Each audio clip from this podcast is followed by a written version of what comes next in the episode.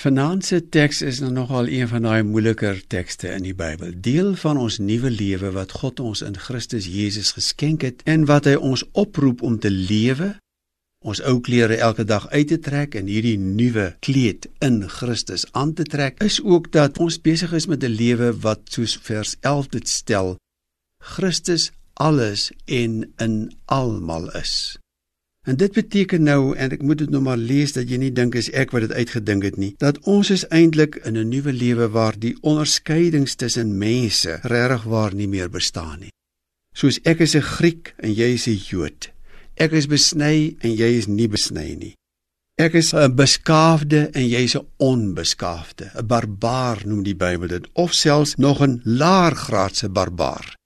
Nou in die Griekse wêreld waar die brief geskryf is, beteken dit eintlik almal wat nie Grieks praat nie, is so 'n soort van 'n barbaar. Ons is in 'n lewe waar daar baie skeidslyne is tussen mense en ons het baie van onsself gemaak. Die Bybel sê byvoorbeeld een nog verby, ek is 'n slaaf en jy is vry, of ek is vry en jy is 'n slaaf.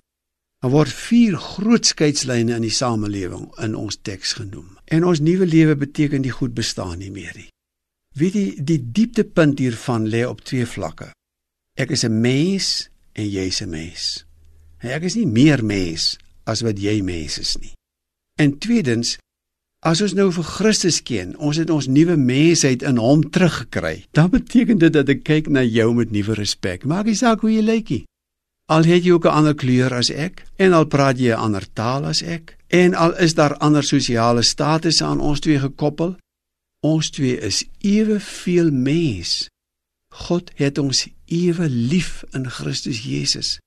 En die nuwe lewe wat ons dra sal daarom in hierdie land geweldig duidelik sigbaar word as ons 'n ou bietjie minder lewe met hierdie soort van mensgemaakte skeidslyne. En 'n samelewing dien met 'n diep respek vir mekaar se menswees.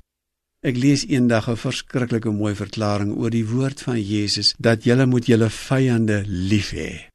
En daai woord liefde beteken eintlik respek vir die menswees van 'n ander mens.